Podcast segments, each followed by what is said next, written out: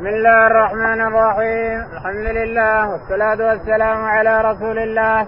قال الإمام الحافظ أبو عبد الله محمد بن إسماعيل البخاري في صحيحه باب الصلوات الخمس كفارة قال رحمه الله حدثنا إبراهيم بن حمزة قال حدثنا ابن أبي حازم والدراوردي عن يزيد محمد بن إبراهيم عن أبي سلمة بن عبد الرحمن عن أبي هريرة رضي الله عنه أنه سمع رسول الله صلى الله عليه وسلم يقول أرأيتم لو أن نهرا بباب أحدكم يغتسل فيه كل يوم خمسا ما تقول ذلك يبقي من درنه؟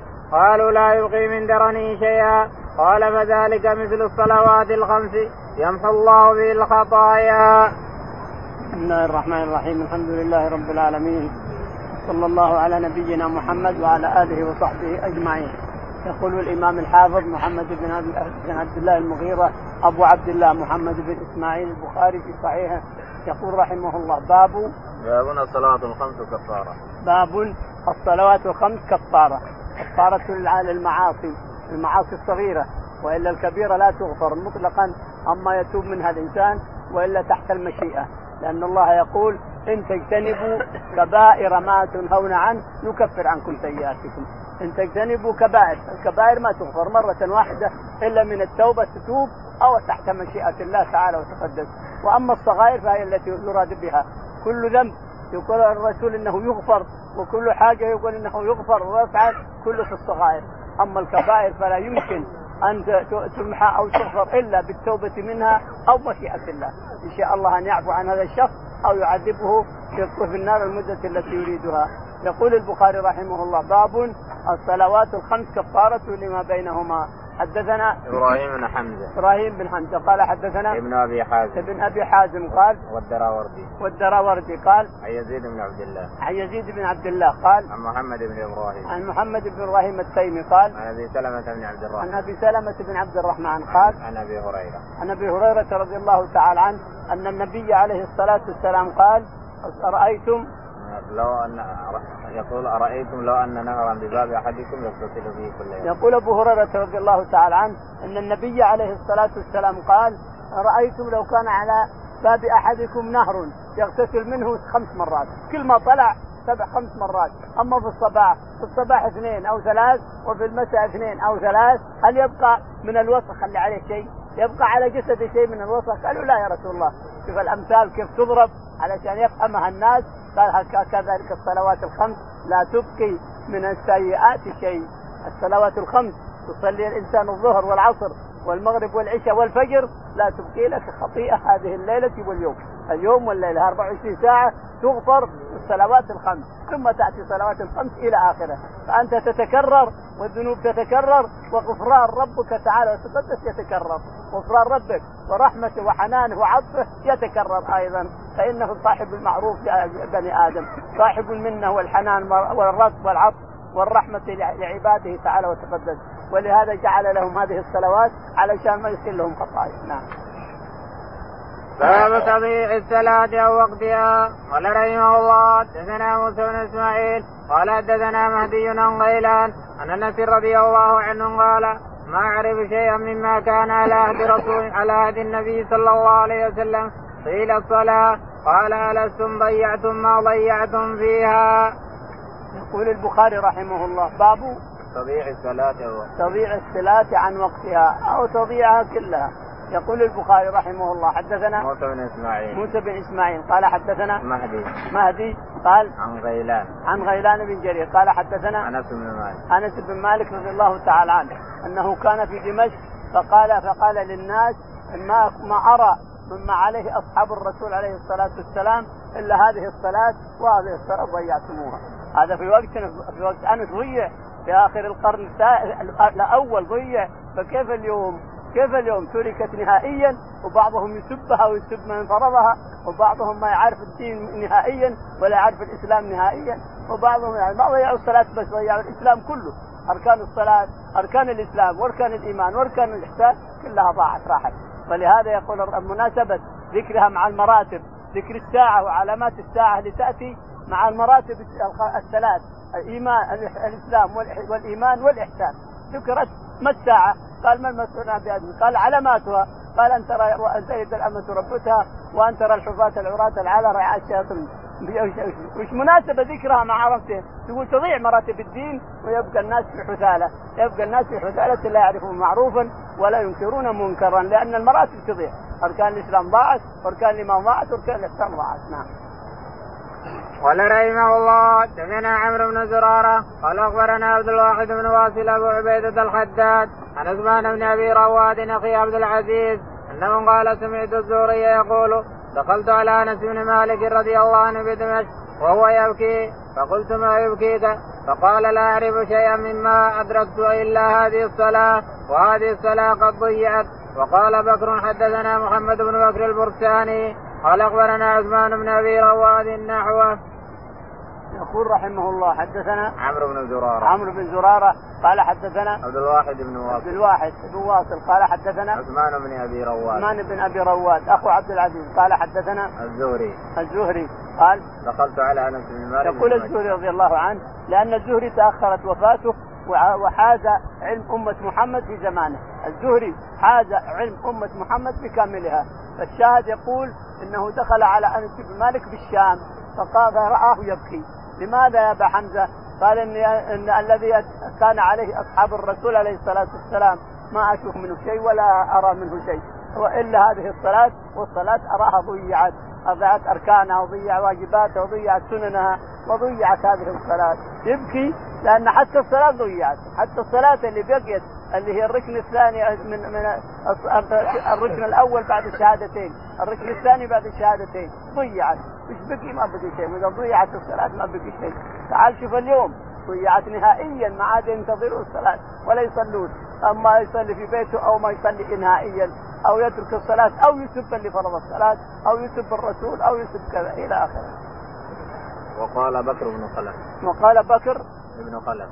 ابن خلف. قال محمد بن بكر. حدثنا محمد بن أبي ابن بكر. قال حدثنا عثمان بن أبي رواد. عثمان بن أبي رواد. نحو الحديث. نحو الحديث الأول. نعم. باب المصلي يناجي ربه عز وجل. قال رحمه الله حدثنا مسلم بن إبراهيم. قال حدثنا هشام بن قتادة. عن أنس رضي الله عنه قال قال النبي صلى الله عليه وسلم إن أحدكم إذا صلى يناجي ربه فلا يفتلن عن يمينه ولكن تحت قدمه اليسرى. وقال سعيد عن قتادة لا يتفل قدامه أو بين يديه ولكن عن يساره أو تحت قدميه. وقال شعبة لا يبزق بين يديه ولا عن يمينه ولكن عن يساره أو تحت قدمه وقال حميد عن أنس عن النبي صلى الله عليه وسلم قال لا يبزق في القبلة ولا عن يمينه ولكن عن يساره أو تحت قدمه. يقول البخاري رحمه الله حدثنا باب المصلي يناجي ربه باب المصلي يناجي ربه. يعني فلا يبصق قدام قبلته وهو يناجي ربه. ولا تحت قدمك اليمنى أو تحت جبهتك وأنت تناجي ربك. لأنك خلاص لما تكبر تقول الله أكبر تستحضر تستحضر عظمة من تقوم بين يديه فتخشع والإشارة هنا الله أكبر إشارة إلى كشف الحجاب بينك وبين ربك. فانظر هذا الحجاب هل يرخى إذا التفت بوجهك يمنع ويسرى وانت تصلي أو بقلبك التفت إلى الدنيا قلت رحت عن وفي اوديه الدنيا أرخي الحجاب وخلاص ما عاد يفتح. ما عاد هذا الحجاب يفتح حتى تنتهي صلاتك. أما إذا بقيت مع ربك بقي هذا الحجاب مرفوع. وأنت تكلم ربك تعالى وتقدس. يقول البخاري رحمه الله حدثنا مسلم بن إبراهيم. مسلم بن إبراهيم. قال حدثنا هشام. هشام. قال حدثنا قتادة. عن قتادة هشام بن حسان يعني.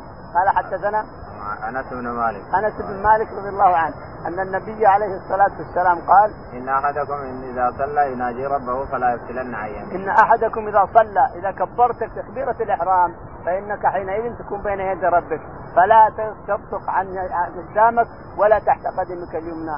فإن الله قبل قبلك قبل القبلة قدامك الإنسان فلا تبصق ولا يجوز أن تؤول هذه الأحاديث مرتنا من عشر ليلات. ما يجوز تؤول ولا ولا تعترض ولا شيء. تقرأ على ما هي عليه تقرأها على ما هي عليه ربنا قبل وجهك فلا تبصق قبل وجهك. بس ولا تقول كيف ولا ليش ولا ما تتركها للذي قالها. قالها الرسول وهو أعرف بربه تعالى وتقدس.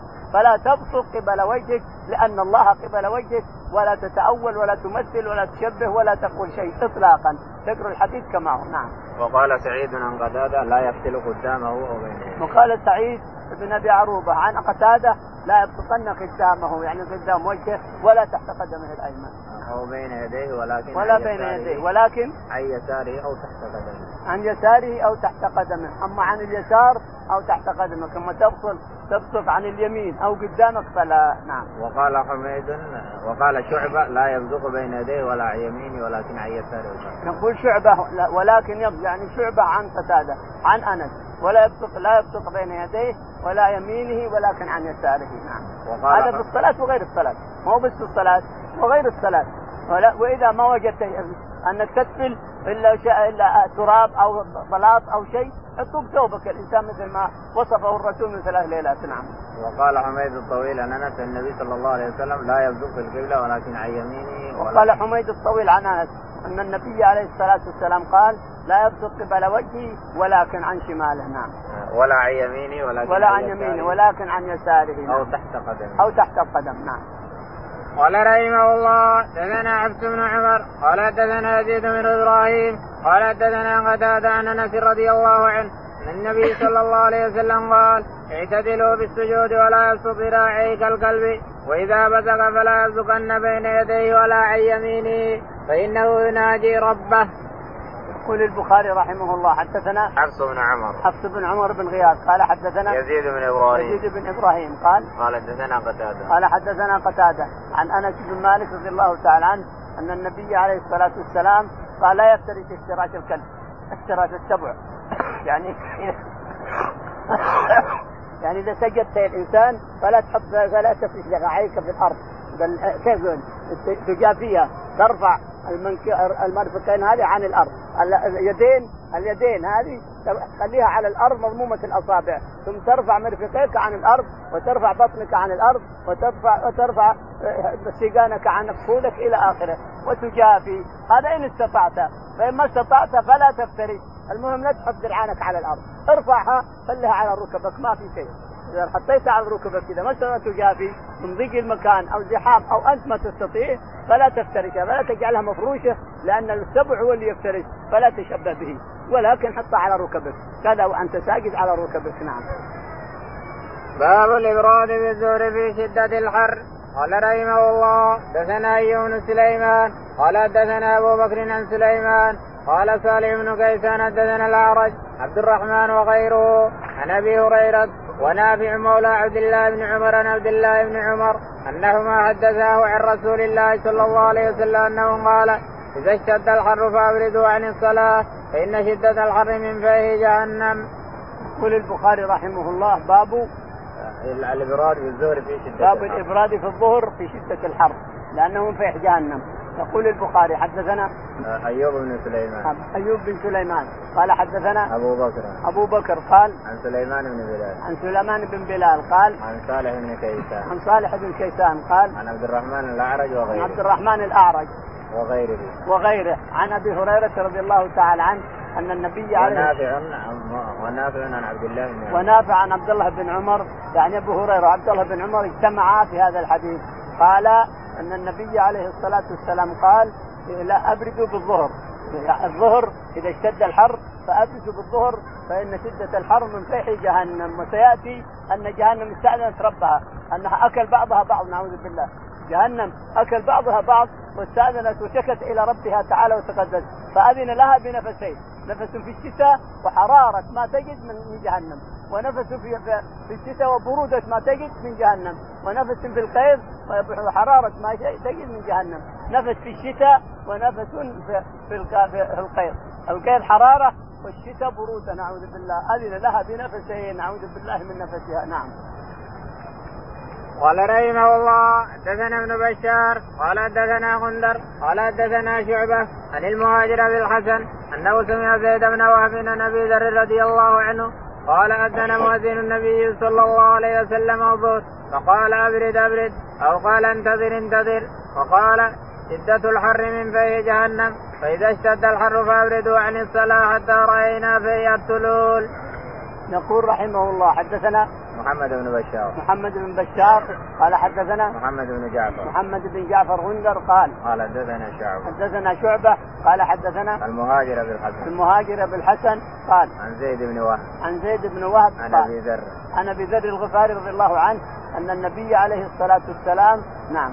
قال أذن مؤذن النبي صلى الله عليه وسلم ظهر فقال أبرد أبرد أو انتظر انتظر. يقول الغفاري رحمه أبو ذر الغفاري إن المؤذن أذن بين يدي الرسول عليه الصلاة والسلام فقال له أبرد أبرد أو قال له انتظر انتظر.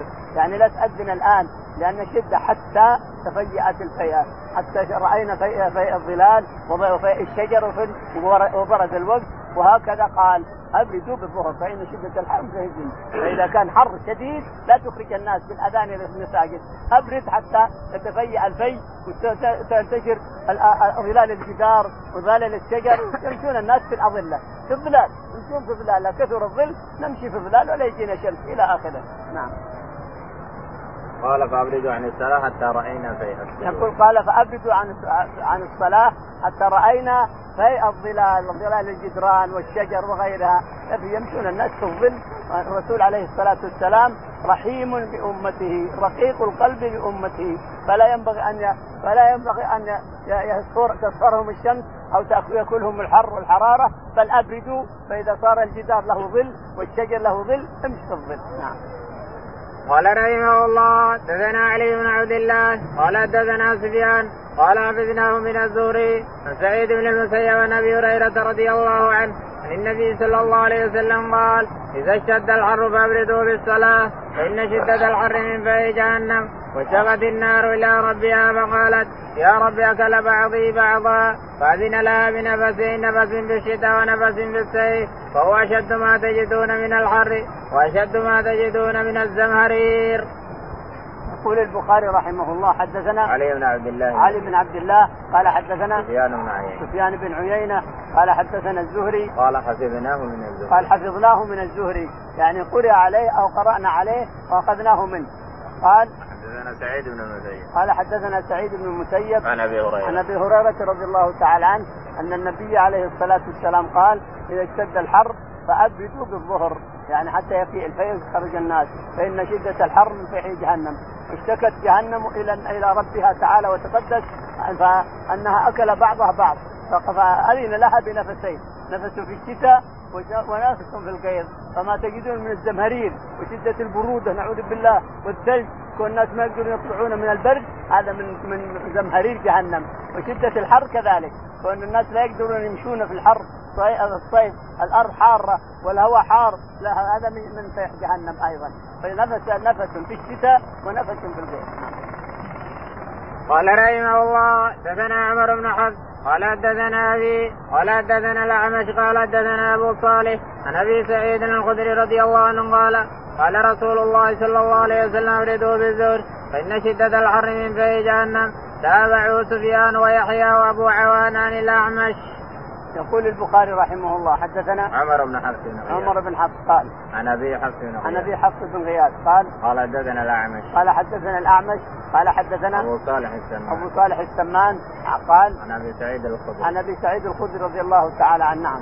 قال رسول الله صلى الله عليه وسلم ابردوا بالزور فان شدة الحر من زيت يقول أبو سعيد إن النبي عليه الصلاة والسلام قال ابردوا بالظهر. فإن شدة الحر من فيح جهنم فيح الظهر إذا كان قائله أو كان شديد البرودة أو شديدة الحرارة فأبردوا بالظهر نعم. هذا من شدة الحر أبردوا بالظهر فانه من فيح جهنم نعم. قال تابعه سفيان ويحيى. يقول البخاري تابعه سفيان ويحيى عن وابو عوانة. وأبو عوانة عن عن, الأعمش. عن الأعمش طيب. باب الإبراد بالزور في السفر قال رحمه الله دثنا أبي إياس قال حدثنا شعبة قال حدثنا مهاجر أبو الحسن مولى لبني تيم الله أنه قال سمعت زيبة بن وهب عن أبي ذر الغفاري رضي الله عنه قال كنا مع النبي صلى الله عليه وسلم في سفر فأراد المؤذن أن يؤذن للظهر فقال النبي صلى الله عليه وسلم أبرد. ثم أراد أن يؤذن فقال له أبرد. حتى رأينا في فقال النبي صلى الله عليه وسلم إن شدة الحر من في جهنم فإذا اشتد الحر فأبردوا بالصلاة. وقال ابن عباس تتفيأ تتميل. يقول البخاري رحمه الله حدثنا الإبراد بالظهر في السفر. الإبراد بالظهر. في السفر. في السفر وغير السفر يعني. قال حدثنا آدم بن أبي آدم بن أبي إياس قال حدثنا شعبة. شعبة. قال قال حدثنا مهاجر أبو الحسن. مهاجر أبو الحسن. مولى لبني تيم مولى آل بني تيم آل بني تيم قال قال حدثنا زيد بن وهب. قال حدثنا زيد بن وهب. قال عن أبي ذر الغفاري. عن أبي ذر الغفاري رضي الله تعالى قال قال كنا مع النبي صلى الله عليه وسلم في سفر فأراد المؤذن أن يؤذن. يقول أبو ذر رضي الله عنه كنا مع النبي عليه الصلاة والسلام في سفر فأراد المؤذن أن يؤذن فقال أبرد أبرد. حتى تفيأت الظلال. هذا التفيؤ هو الميلان. تميل تتفيأ عنهم تتفيأ ظلالها يعني سجد لله يعني تميل يمنه وتميل هذا التفيؤ التحرك. تميل يمنه تميل يمنه ويسره فالتفيؤ هو التحرك يمين ويسار. تتفيأ في ظلالها عن اليمين والشمائل. سجدا لله وهم داخرون نعم. قال فإن فإن شدة الحر وقال لهم لما قال للمؤذن أبرد أبرد قال أبرد فإن شدة الحر من فيح جهنم. نعم. باب وقت الظهر عند الزوال. وقال جابر كان النبي صلى الله عليه وسلم يصلي بالهاجرة. قال رحمه الله دثنا أبو اليمان. قال أخبرنا شعيب بن الزهري. قال أخبرني أنس بن مالك رضي الله عنه. أن رسول الله صلى الله عليه وسلم خرج حين زاغت الشمس فصلى الظهر فقام على المنبر فذكر الساعة فذكر أن فيها أمورا عظاما ثم قال من أحب أن يسأل عن شيء فليسأل فلا تسألوني عن شيء إلا أخبرتكم ما دمت في مقامي هذا فأكثر الناس في البكاء وأكثر أن يقول سلوني فقام عبد الله بن حذافة السامي فقال من أبي قال أبوك حذافة. ثم أكثر أن يقول سلوني فبرك عمر على ركبتيه فقال رضينا بالله ربا وبالإسلام دينا وبمحمد نبيا فسكت ثم قال عرضت علي الجنة والنار آنفا في عرض هذا الحائط فلم أرك الخير فلم أرك الخير والشر. يقول البخاري رحمه الله باب باب وقت الظهر عند الزوال. باب وقت الظهر عند الزوال حدثنا الزوال يا إخواني هو الدلوك الذي ذكر الله في سورة الإسراء أقم الصلاة لدلوك الشمس يعني زوالها ومن المؤسف أن الناس يسمون الزوال الإفرنجي الزوال ما هو إفرنجي الزوال شريعة من عهد الرسول عليه الصلاة والسلام. لأن الله ذكره تعالى في سورة الإسراء أقم الصلاة لدلوك الشمس هو الزوال. الدلوك هو الزوال. لدلوك الشمس إلى غسق الليل يعني صل الظهر إلى دلكة الشمس يعني زالت الشمس على مكانها إلى إلى الغروب. ثم بعد ذلك صلي العصر ثم صلي المغرب ثم بعد ذلك دلوك الشمس ثم أقم الفجر. فإن صلاة الفجر مشهوره معروفه أقم الصلاة دلوك الشمس إلى غسق الليل إلى العشاء يعني. صلي العصر والمغرب إلى العشاء. يدور إلى غسق الليل. وقرآن الفجر أفرده لأنه بين ساعات كثيرة. وقرآن الفجر إن قرآن الفجر كان مشهودا يعني أربعة يشهدونه. اثنين اللي باتوا واثنين اللي نزلوا يمسكونك الإنسان ويصاحبونك في النهار. فالأربعة تجتمع في العصر وتجتمع في الفجر. لكن الفجر أكثر. ينزلون قبل قبل صلاة الفجر. أما في العصر فهم ما ينزلون إلا بعد الصلاة.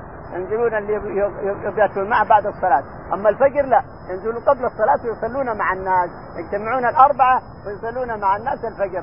أقم الصلاة لدلوك الشمس يعني زوالها زوال الشمس الدلوك هو الزوال لدلوك الشمس ثم العصر ثم المغرب ثم دلوك إلى غسق الليل غسق الليل الظلام ظلام الليل العشاء. إلى ثم قرآن الفجر. إن قرآن الفجر كان مشهودا إلى اخره نعم والدلوك هو الزوال من الشريعة. نزل من رب العالمين والناس مشربين نعوذ بالله ومعجبين بما يأتي من الكفار. اللي يأتينا من الكفار خلاص نقلده وكأنه نزل من السماء. ونترك اللي نزل نزل من السماء حقيقة. اللي نزل وأنه الزوال وأن الدلوك هو الزوال وأن الزوال الدلوك زوالي وأنه كذا وأن الزوال الساعة في الزوال كذا. يعني بدلوك الشمس. دلوك الشمس أقل الصلاة لدلوك يعني زوالها. نعم. وقال جابر كان النبي صلى الله عليه وسلم يصلي بالهاجر وقال جابر رضي الله عنه كان النبي عليه الصلاة والسلام يصلي بالهاجرة. يعني يهجر حتى تتفيأ الظلال. يعني يترك الشمس يترك الظهر حتى تتفيأ الظلال فيهجر يكون الهاجرة. يعني يصل العصر يقرب العصر. نعم. قال حدثنا أبو اليمان. يقول البخاري حدثنا أبو اليمان قال حدثنا شعيب. شعيب قال حدثنا الزهري. الزهري قال قال حدثنا قال أخبرني أنس بن مالك. قال أخبرني أنس بن مالك رضي الله عنه قال رسول الله صلى الله عليه وسلم خرج حين زاغت الشمس فصلى الظهر. يقول إن الرسول عليه الصلاة والسلام خرج حين زاغت الشمس نعم. فصلى فصلى الظهر. فقام على المنبر فذكر الطعام. يقول إن الرسول عليه الصلاة والسلام خرج حين زاغت الشمس زالت الشمس إلى الغروب بكثرة ثم قام صلى بالناس الظهر ثم جلس على المنبر مغضبا غضبان. لاحظ جلس على المنبر غضبان حتى عرف في وجهه ثم قال سلونا سؤال غضب يسألهم سؤال غضب ولهذا بكى الصحابة رضي الله عنهم. كلهم بكوا خافوا إن في شيء نزل. جديد شيء نزل بحقهم أو شيء من هذا. فبكى الصحابة رضي الله عنهم بأجمعهم. فقام عبد الله بن حذافة السهمي فقال من أبي يا رسول الله؟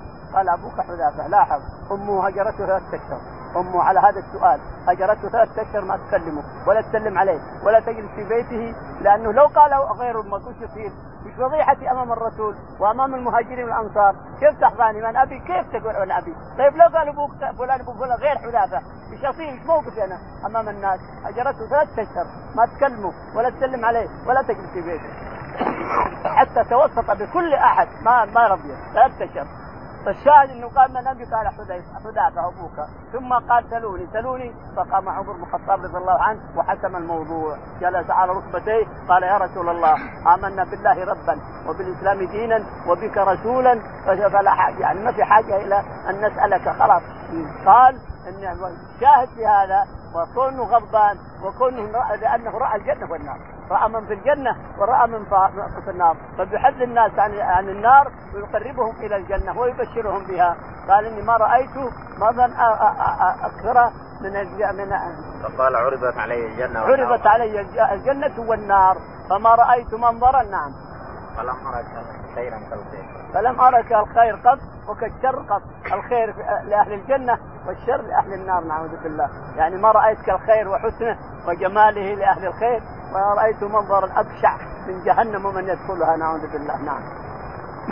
قال رحمه الله دثنا عبد بن عمر قال دثنا شعبة عن أبي المنهال عن أبي برده رضي الله عنه قال كان النبي صلى الله عليه وسلم يصلي الصبح واحدنا يعرف جليسه ويقرأ فيها ما بين الستين إلى المئة ويصلي الظهر إذا زالت الشمس إذا زالت الشمس والعصر واحدنا يذهب إلى أقصى المدينة. رجع والشمس حية. ونسيت من قال في المغرب. ولا يبالي بتأخير العشاء إلى ثلث الليل. ثم قال إلى شطر الليل. وقال معاذ. قال شعبة لقيته مرة. فقال أو ثلث الليل.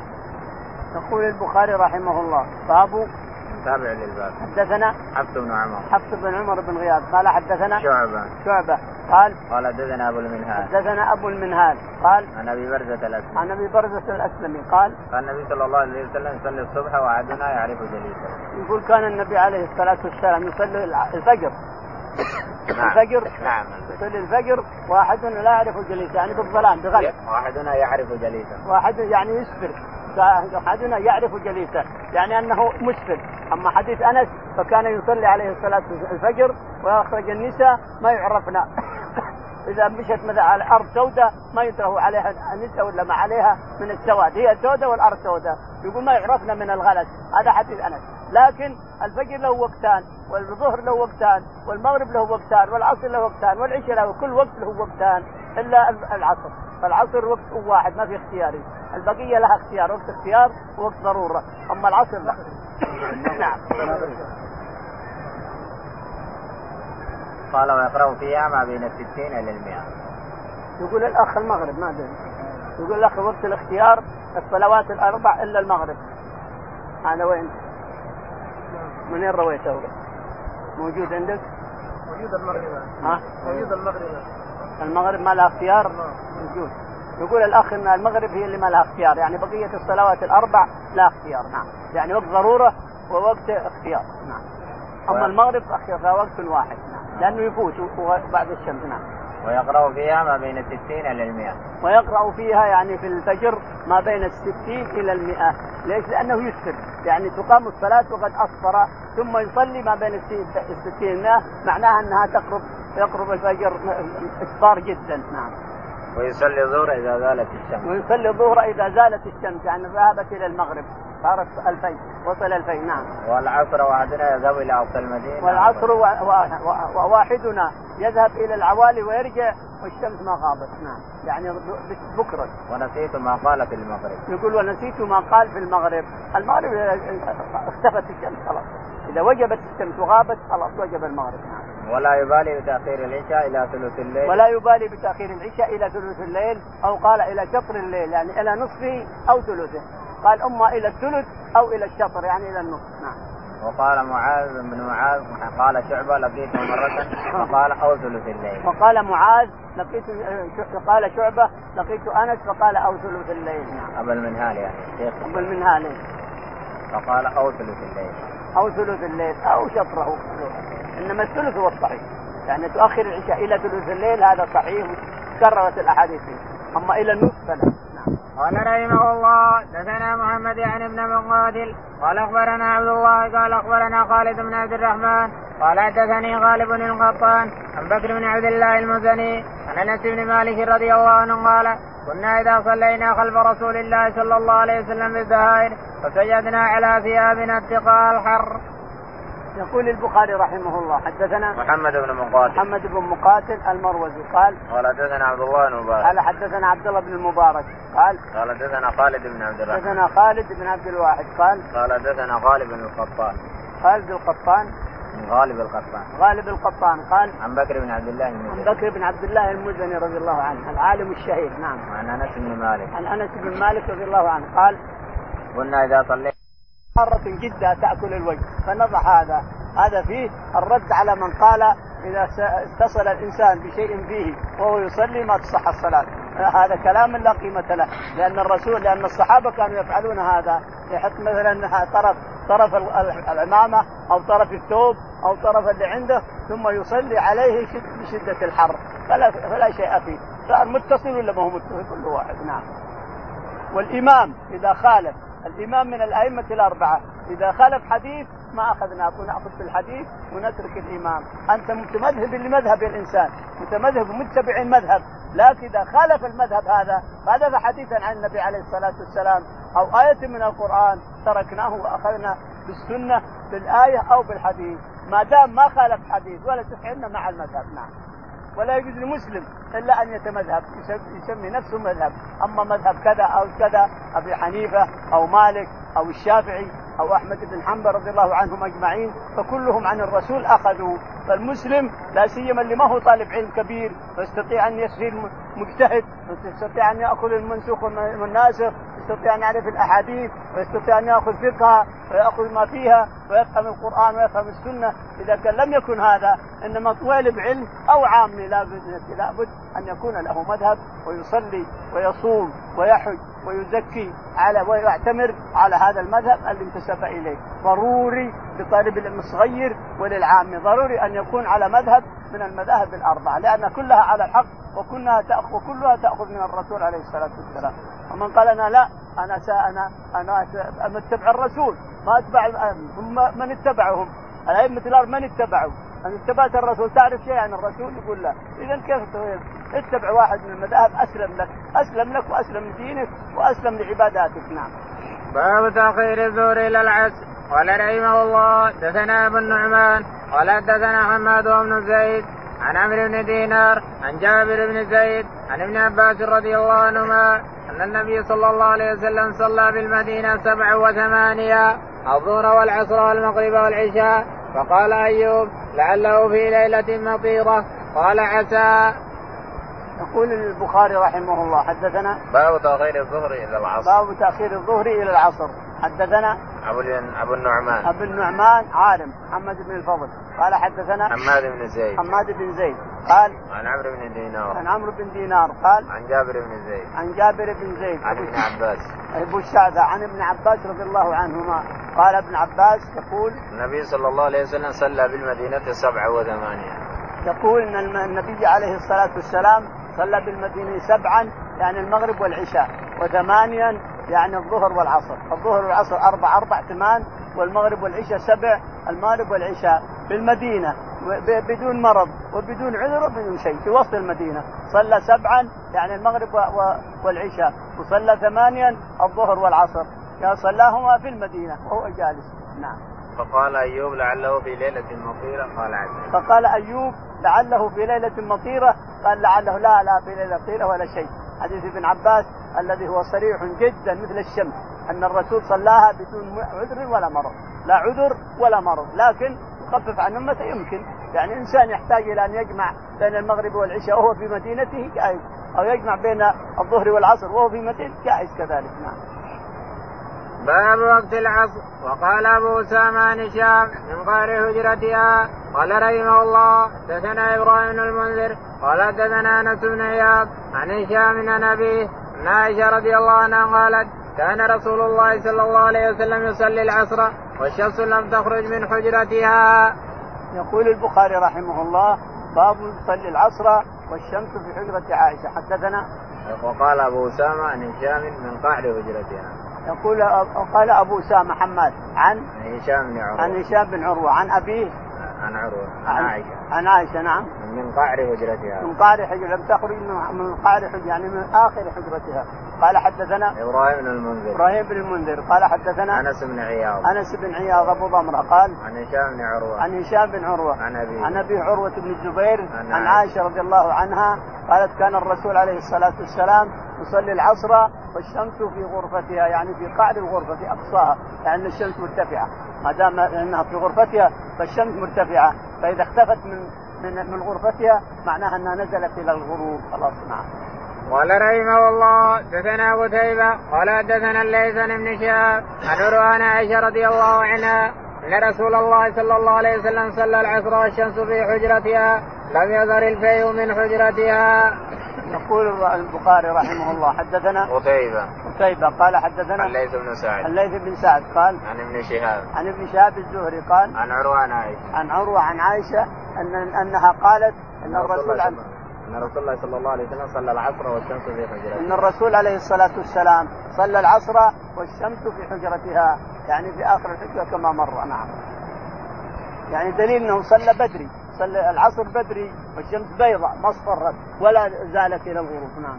قال رحمه الله دثنا أبو نعيم قال أخبرنا ابن عيين عن الزهري عن عروان عائشة رضي الله عنها قالت كان النبي صلى الله عليه وسلم يصلي صلاة العصر والشمس طالعة في حجرته لم يظهر الفيء بعد.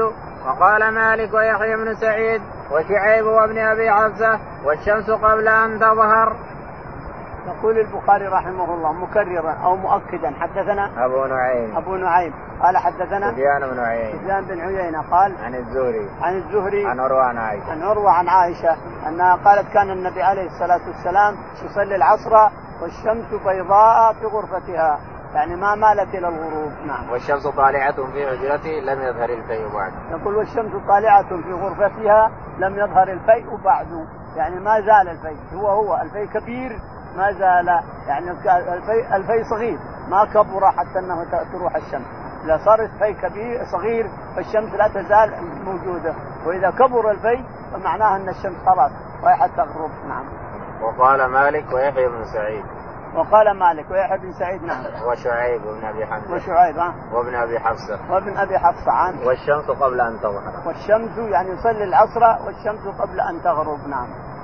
قال رحمه الله دثنا محمد بن مقاتل قال أخبرنا عبد الله قال أخبرنا عوف عن سيار بن سلامة قال دخلت أنا وأبي على أبي برزه الأسلمي رضي الله عنه فقال له أبي كيف كان رسول الله صلى الله عليه وسلم يصلي المكتوبة؟ فقال كان يصلي الهجير التي تدعونها الأولى حين تخضع الشمس ويصلي العصر ثم يرجع أحدنا إلى رحله في أقصى المدينة والشمس حية ونسيت من قال في المغرب وكان يستحب أن يؤخر العشاء التي تدعونها الأتمة وكان يكره النوم قبلها والحديث بعدها. وكان ينفتل من صلاة الغداء حين حين يعرف الرجل جليسه ويقرأ بالستين إلى المئة.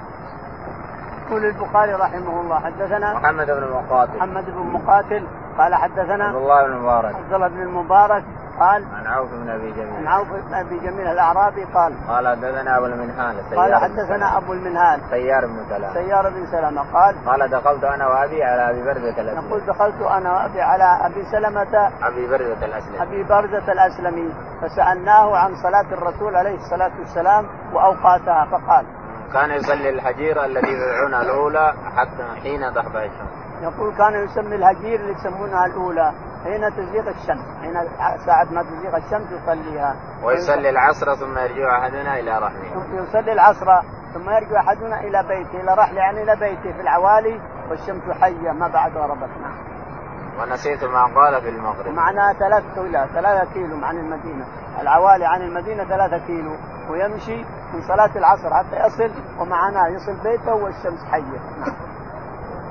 قال ونسيت ما قال في المغرب ما قال في المغرب. المغرب إذا غربت الشمس خلاص. وكان يستحب أن يؤخر العشاء التي تدعونها العتمه وكان يستحب أن يؤخر أن يعجل يؤخر العشاء أن يؤخر الصلاة العشاء. التي يسمونها العتمة. يحب أن يؤخرها إلى ثلث الليل. نعم. وكان يكره النوم قبلها والحديث وكان يكره النوم قبل العشاء النوم قبل العشاء يكرهه لأن قد تنام عن العشاء الإنسان.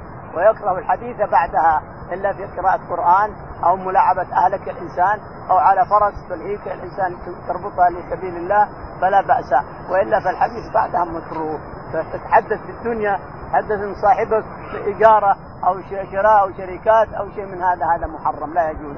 هذا مكروه يكره النوم قبلها والحديث بعدها بعد صلاة العشاء. والصلاة تتأخر إلى ثلث الليل. نعم. وكان ينفتل من صلاة الغداء حين يعرف الرجل جليسه. وحين ينفتل يقول وكان ينفتل من صلاة الفجر حين يعرف الرجل جليسه يعني مسفر نعرف الجلساء اللي صلوا معنا. نعم. ويقرأ بالستين إلى ويقرأ عليه الصلاة والسلام بالستين إلى السبعين. ستين آية إلى المئة. إلى مئة آية. يقرأ بستين آية إلى مئة آية. قال رحمه الله دثنا عبد الله بن مسلمة عن مالك عن إسحاق بن عبد الله بن أبي طلحة عن أنس بن مالك رضي الله عنه قال كنا نصلي العصر ثم يخرج الإنسان إلى بني عمرو بن عوف فنجدهم يصلون العصر. يقول البخاري رحمه الله حدثنا عبد الله بن مسلمة. عبد الله بن مسلمة قال قال حدثنا مالك بن أنس. عن مالك قال حدثنا إسحاق بن عبد الله بن أبي طلحة. بن عبد الله بن أبي طلحة قال عن أنس بن مالك. عن أنس بن مالك رضي الله عنه قال قال كنا نصلي العصر ثم يخرج الإنسان إلى قال كنا نصلي العصر ثم يخرج الإنسان إلى بني عمرو بن عامر عمان أنس فنجدهم يصلون العصر. يعني إحنا نصلي العصر مع الرسول عليه الصلاة والسلام ونذهب إلى مسجدهم بعيدا عنهم شوية فنصلي نجدهم يصلون العصر. يعني توهم يصلون العصر في آخر صلاه العصر. نعم. قال رحمه الله دثنا ابن من قاتل قال أخبرنا عبد الله قال أخبرنا أبو بكر بن عثمان بن سالم بن حنيف قال سمعت أبا أمامة يقول صلينا مع عمر بن عبد العزيز الظهر ثم خرجنا حتى دخلنا على أنس بن مالك فوجدناه يصلي العصر فقلت يا عم ما هذه الصلاة التي صليت؟ قال العصر. وهذه صلاة رسول الله صلى الله عليه وسلم التي كنا نصلي معه. يقول البخاري رحمه الله حدثنا محمد بن مقاتل. محمد بن مقاتل المروزي. قال قال حدثنا عبد الله بن قال حدثنا عبد الله بن المبارك. قال قال حدثنا أبو بكر بن عثمان. حدثنا أبو بكر بن عثمان. قال قال سمعت أبا أمامة بن سهل. قال سمعت أبا أمامة بن سهل بن حنين يقول صلينا مع عمر بن عبد العزيز. يقول صلينا مع عمر بن بن عبد العزيز في دمشق. عمر ما وصي ما ما سكن إلا المدينة ودمشق صار اميرا للمؤمنين وكان خليفة لمعاوية هنا لعبد الملك بن مروان هنا بالمدينة. وبعد ذلك وصلت إليه الخلافة بعد عبد الملك وأولاده. عبد الملك بن مروان ثم هو الوليد بن عبد الملك ثم سليمان بن عبد الملك ثم عمر بن عبد العزيز رضي الله عنه. سنتين ونصف خلافته رضي الله تعالى عنه وأرضاه. يقول صلينا مع عمر بن عبد العزيز رضي الله عنه صلاة العصر. ثم ذهبنا إلى أنس بن مالك فوجدناه يصلي العصر. قلنا ما هذا يا عم؟ قال هذه صلاة الرسول عليه الصلاة والسلام. نعم. ان عمر يمكن يقدمها شوية عمر رضي الله عنه يمكن يقدمها قليل لا بأس بذلك. نعم. باب وقت العصر. قال رحمه الله دثنا أبو اليمان. قال أخبرنا بن الزهري. قال حدثني أنس رضي الله عنه قال كان رسول الله صلى الله عليه وسلم يصلي العصر والشمس مرتفعة حية فيذهب الذاهب إلى العوالي فيأتيهم والشمس مرتفعة وبعض العوالي من المدينة على أربعة أميال أو نحوه. يقول البخاري رحمه الله حدثنا أبو اليمان. أبو اليمان. قال حدثنا شعيب بن أبي حمزة. شعيب بن أبي حمزة. قال حدثنا الزهري. الزهري. قال قال حدثني أنس بن مالك. قال حدثني أنس بن مالك رضي الله عنه. قال كان رسول الله صلى الله عليه وسلم يصلي العصر والشمس حية. قال كان رسول الله عليه الصلاة والسلام يصلي العصر والشمس حية. يعني بيضة ما بعد اصفرت الشمس مرتفعة الشمس. يعني أول وقت العصر نعم. فيذهب الذاهب إلى العوالي فيأتيهم والشمس مرتفعة فيذهب الذاهب إلى العوالي فيأتيهم والشمس حية والعوالي بعيدة حول أربعة أميال نعم. قال رحمه الله حدثنا عبد الله بن يوسف قال أخبرنا مالك بن شهاب ان أنس بن مالك رضي الله عنه قال كنا نصلي العصر ثم يذهب الذاهب منا إلى قباء فيأتيهم والشمس مرتفعة. يقول البخاري رحمه الله حدثنا عبد الله بن يوسف. عبد الله بن يوسف قال حدثنا مالك بن حدثنا مالك الإمام قال عن ابن شهاب. عن ابن شهاب الزهري قال عن أنس بن مالك. عن أنس بن مالك رضي الله تعالى عنه قال كنا نصلي ثم يذهب الذهب إلى قبى وبعد بعيدة ما هو بعد ثلاثة ثلاثة فراسخ أو شيء منها بعيدة عن المدينة فيذهب ويأتيهم والشمس حية. نصلي بالمدينة عاد مع الرسول أو بعد الرسول عليه الصلاة والسلام ثم يذهبون إلى قبى فيجدون أهل قبى الآن يصلون العصر أو يقول إن نصل القبى والشمس حية. نعم. والشمس حية. الشمس حية نعم. باب اسم من فاتته العصر. قال رحمه الله تثنى عبد الله بن يوسف قال أخبرنا مالك عن نافع عن ابن عمر رضي الله عنهما إن رسول الله صلى الله عليه وسلم قال الذي تفوت صلاة العصر فكأنما وتر أهله وماله. يقول البخاري رحمه الله باب إثم من فاتته صلاة العصر. أعوذ بالله يعني أخر الوقت حتى ذهب الوقت سواء ولا صلى لا مع جماعة ولا في بيته ما صلى لا وحده ولا مع الجماعة. إيش يعمل مش عقوبته نعوذ بالله. يقول البخاري حدثنا عبد الله بن يوسف. عبد الله بن يوسف. قال حدثنا مالك بن أنس. مالك بن أنس. قال حدثنا نافع عن ابن عمر. نافع عن ابن عمر أن النبي عليه الصلاة والسلام قال من فاتته صلاة العصر يعني ذهب وقتها خلاص وهو ما صلى. لا وحده ولا مع جماعة ما صلى. وذهب وقت العصر خلاص وغربت الشمس فكأنما وتر أهله وماله. يعني فقد أهله وماله. وش حزن وش حراقة القلب حينما يؤخذ أهلك بين يديك الإنسان قهرا عليك. يجي إنسان ويسبي أهلك ويسبي أموالك وأنت واقف ما تقدر تسوي حاجة. وش حرقه القلب؟ وش حزن القلب؟ انظر العصر مثل هذا. العصر كأنما وتر أهله وماله كأنما فقد أهله وماله من الحزن. نعوذ بالله الذي سيصيبه إلى آخره. نعم.